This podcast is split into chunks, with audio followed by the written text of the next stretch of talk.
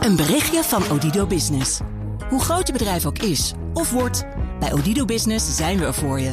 Met unlimited data en bellen en met supersnel en stabiel zakelijk internet. Ook via glasvezel. Ontdek wat er allemaal kan op odido.nl/slash business. Het kan ook zo.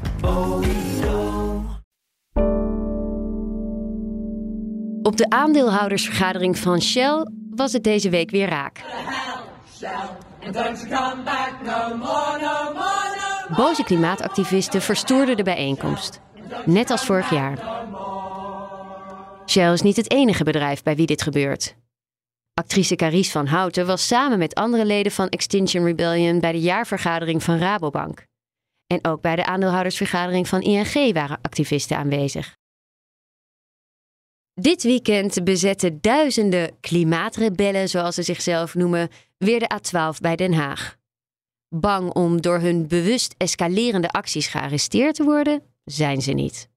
En dus is het de vraag wat bedrijven en overheden doen nu zij nadrukkelijk onder het vergrootglas liggen van de klimaatbewegingen. Daar gaan we het deze week met je over hebben. Dat doen we met Hans van Oosterhout, hoogleraar Corporate Governance aan de Erasmus Universiteit, die alles weet van de relatie tussen aandeelhouders en bestuurders. Met Akkeleide Lange, klimaatactivist bij Extinction Rebellion, die zelf gearresteerd en veroordeeld werd voor deelname aan klimaatprotesten. En met Orla McDonald, onze redacteur klimaatbeleid. Mijn naam is Elfanie Toulaar en dit is De Week Voorbij, de weekendpodcast van het FD. Ik ben Akkeleide Lange, ik ben 28 jaar en ik studeer nu de Master Onderwijswetenschappen. En ik ben uh, in Amsterdam geboren en getogen. En um, ik zit nu sinds ongeveer twee jaar bij Extinction Rebellion.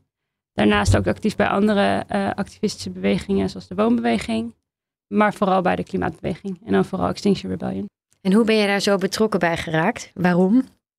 Ik merkte eigenlijk na uh, de verkiezingen in 2021 dat ik dacht van het gaat echt de verkeerde kant op. En uh, mijn vertrouwen in de politiek was ook niet meer zoals het ooit geweest was. Nee. En ik dacht gewoon, die cyclus met vier jaar, ze zijn elke keer weer bezig met herverkozen worden. En dat, dat snap ik, want zo werkt het.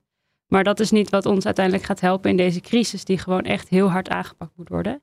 En toen dacht ik, ja, we moeten gewoon de straat op gaan. Ik kende Extinction via een vriend uit het Verenigd Koninkrijk. En toen heb ik hun gewoon een keer een mail gestuurd en toen werd ik heel snel teruggebeld. En toen ben ik eigenlijk ook heel snel actief geworden. Wat voor acties doe je mee? Ik doe eigenlijk heel veel verschillende dingen. Dus in het begin zag je veel um, ook wel wegbezettingen bij Extinction Rebellion. Dat is eigenlijk vooral om iedereen uh, aan te sporen. En nog steeds, natuurlijk de A12 is ook een hele grote blokkade van de weg. Mooie plek, omdat die zo tussen de tijdelijke Tweede Kamer en het ministerie van Economische Zaken en Klimaat zit. Dus dat is een soort vorm van, van blokkeren. Ik heb ook wel binnen uh, in kantoren gezeten. Dus bijvoorbeeld bij het ABP. Daar was mijn allereerste arrestatie. Um, om dus te verwachten en te eisen van hun dat zij uh, hun investering of hun financiering eigenlijk uh, daaruit zouden halen. Ik studeer onderwijswetenschappen, dus de kans dat ik later mijn, mijn pensioen daar ga opbouwen is vrij groot. Dus ik vond het gewoon heel belangrijk om daar te staan. En nu doe ik ook weer mee aan, aan dat soort acties tegen de ING. En Rabobank. Dus ik zit zelf wel veel, um, veel bij grote financierders eigenlijk. Um, en de overheid. Ik denk dat dat heel belangrijk is. Ze stelde zich al even voor. Akkeleide Lange is lid van Extinction Rebellion. De klimaatbeweging kwam vanuit Engeland naar Nederland overwaaien en wist de laatste tijd steeds vaker het nieuws te halen met grote acties. Hoog tijd dus om eens een langer stuk over ze te schrijven, vond onze klimaatverslaggever Orla McDonald. Omdat zij toen net voor hun zesde klimaatactie zaten, op 11 maart, het blokkeren van de snelweg, de A12 in Den Haag. En dat zou de grootste actie tot dan toe worden. Op dat moment plakte zij zich ook heel erg uh, aan talkshowtafels. Um, er was heel veel reuring over uh, de actiegroep. Dus ik vond het een interessant uh, fenomeen. Ze zijn eigenlijk al nou, ik denk zo'n zo'n drie jaar uh, actief in Nederland. En ze worden steeds groter. Dus ik vond eigenlijk dat het wel tijd was om er wat uh, dieper in te duiken. Ja, hoe heb jij die opkomst als uh, journalist? Hoe kom je die tegen in je werk? Nou, je ziet een bepaalde verharding in dat klimaatdebat.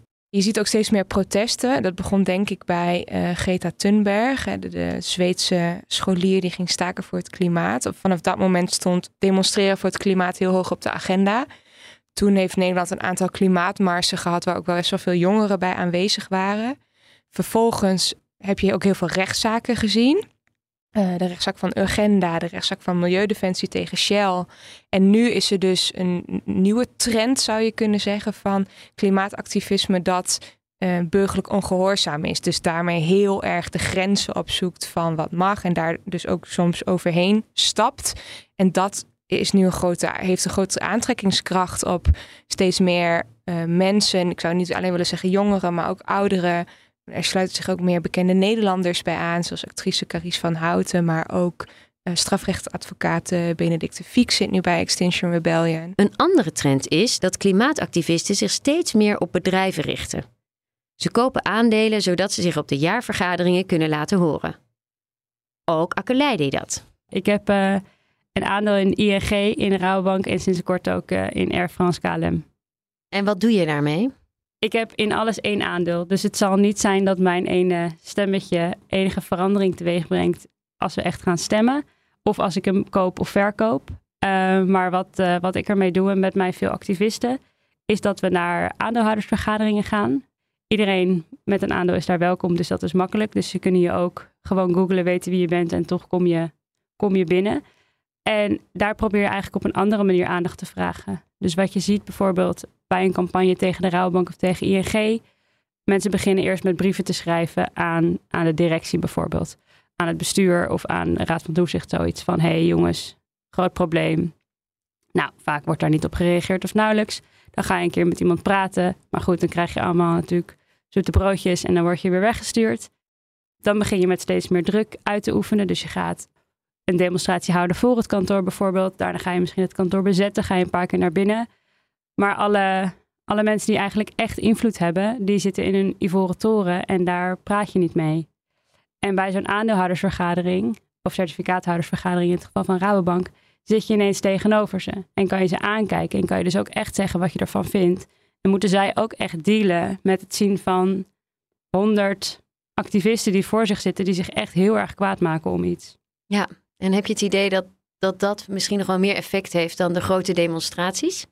Ik denk dat het allebei nut heeft. Ik denk dat de grote demonstraties misschien ertoe leiden dat ze meer publieke schade krijgen. Dus dat het grote publiek meer weet wat ze aan het doen zijn. En dat dat natuurlijk voor hun reputatie heel slecht is. Ik denk ook dat bij zo'n aandeelhoudersvergadering er ook gewoon mensen tegenover mij zitten. Uh, die je ook kan aanspreken op hun menselijkheid. Uh, dus ik hoop heel erg dat dat, dat, dat daar ook gebeurt. Uh, en bovendien zitten er natuurlijk aandeelhouders die ook een grote vinger in de pap hebben. En die met hun geld gewoon heel veel beslissingen ook kunnen maken. Een vriend van mij die vertelde dat uh, na de certificaathoudersvergaderingen nog even naar de wc ging en daar dus echte, zoals hij het noemde, certificaathouders tegenkwam.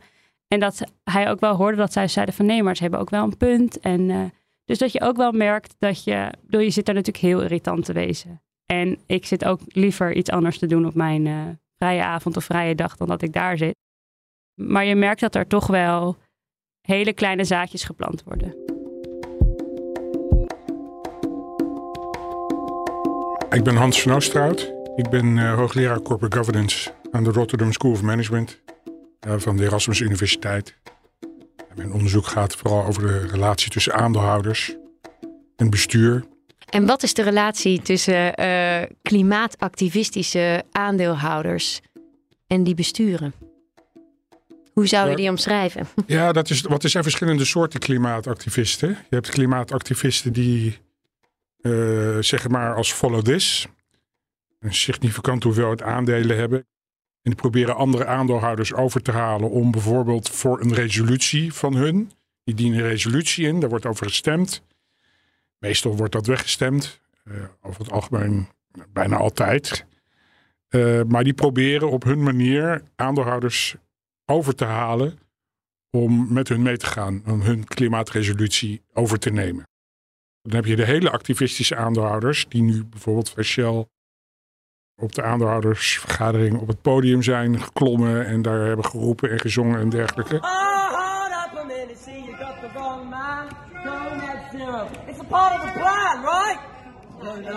Die zien aan, eh, het aandeelhouderschap eigenlijk meer als een kanaal om hun boodschap in, een bredere context uit te venten.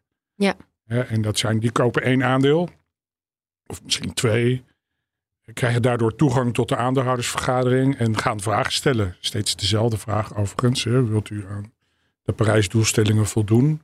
En dat is in Nederland al bij een paar grote bedrijven gebeurd. Volgens hoogleraar Hans van Oosterhout heeft deze aanpak dus weinig zin. Sterker nog, de meeste resoluties, ook die van de gewone aandeelhouders, worden met enorme percentages weggestemd. Maar er zijn milieuactivisten die het anders aanpakken.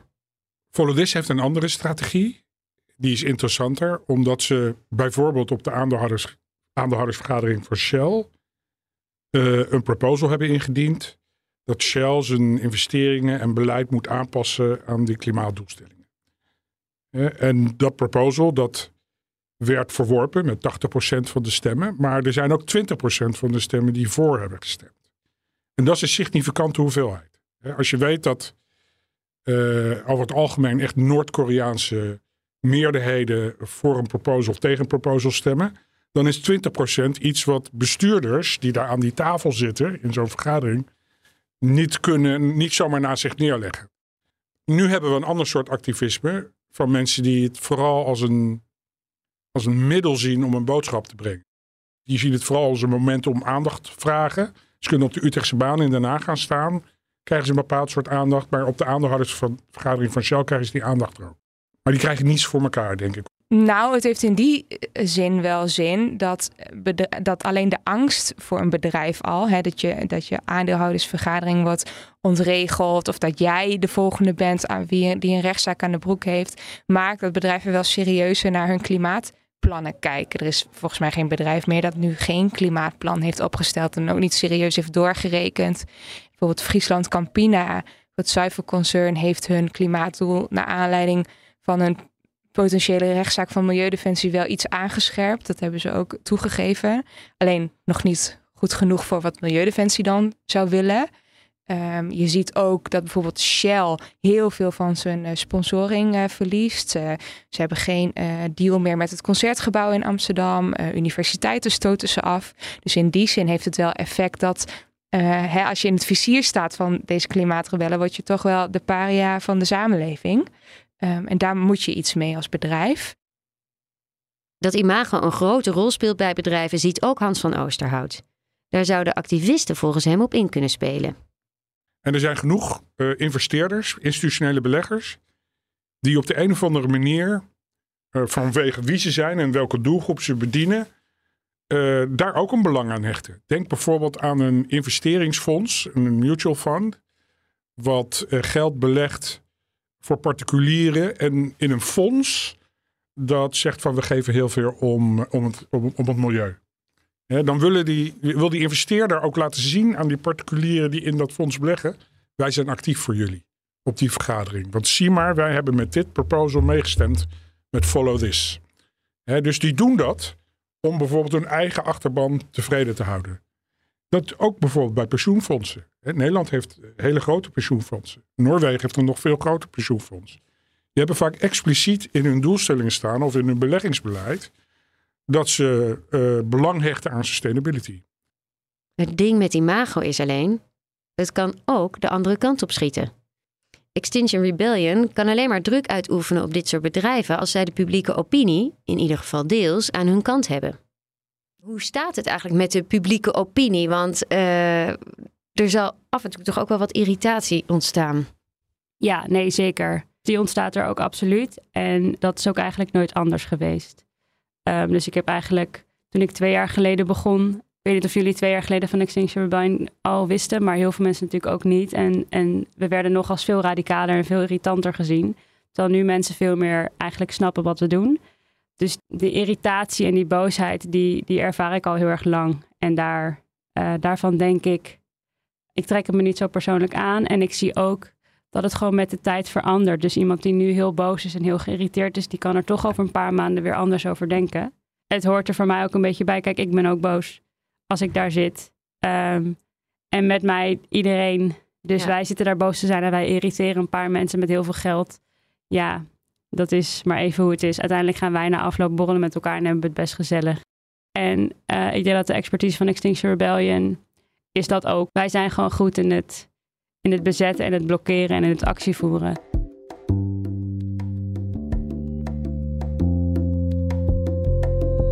Dat actievoeren lijkt tot nu toe succesvol.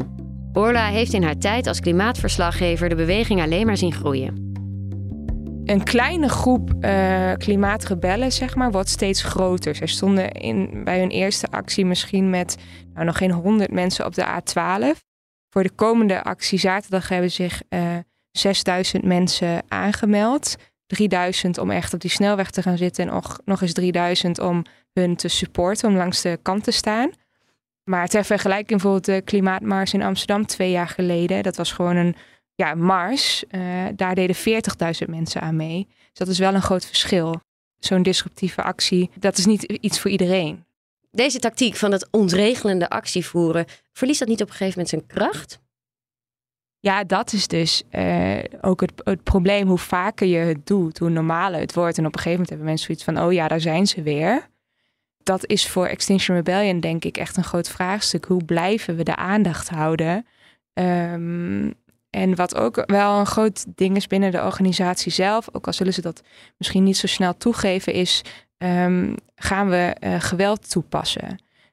Tot nu toe naar buiten toe zeggen zij altijd wij voeren vreedzaam actie. Dat is ook altijd nog zo geweest, maar intern uh, heb ik ook wel mensen gesproken die zeggen: ja, uh, wat geweld is, is multi-interpretabel. Dus een oliepijpleiding opblazen of schade aanrichten aan een, fossiele energiecentrale. Daarover bestaat discussie of dat echt geweld is. Want in hun ogen um, doen die centrales of die oliepijpleidingen de samenleving geweld aan. Dus daar mag je dan geweld tegenover zetten. Ik zeg niet dat dat gaat gebeuren. Alleen wel dat het een discussie is binnen die organisatie zelf. En je ziet bijvoorbeeld in Engeland ook, waar Extinction Rebellion is gestart, afsplitsingen van groeperingen die Extinction Rebellion te vreedzaam vinden. Die vinden dat het nog harder uh, moet. Dus dat is wat ik als journalist in de gaten hou. Dit was hem voor deze week. Dankjewel voor het luisteren. In onze app vind je natuurlijk al het laatste nieuws over de disruptie bij aandeelhoudersvergaderingen. Volgende week zijn we weer bij je met een nieuwe aflevering. Daarin gaan we het hebben over grijflatie. Heb je daar nu al vragen over? Mail dan even naar podcast.fd.nl. Je kunt mij ook een berichtje sturen via Twitter, Elfanie. We vinden het leuk om van mensen te horen, dus stuur je vragen toe. Redactie en montage van deze podcast waren in handen van Ilse Eshuis en Jildo Bijboer. De muziek is gemaakt door Visionair Ordinaire. Een heel fijn weekend en graag tot volgende week. Een berichtje van Odido Business. Hoe groot je bedrijf ook is of wordt, bij Odido Business zijn we er voor je. Met unlimited data en bellen en met supersnel en stabiel zakelijk internet. Ook via glasvezel. Ontdek wat er allemaal kan op odido.nl/business. Het kan ook zo.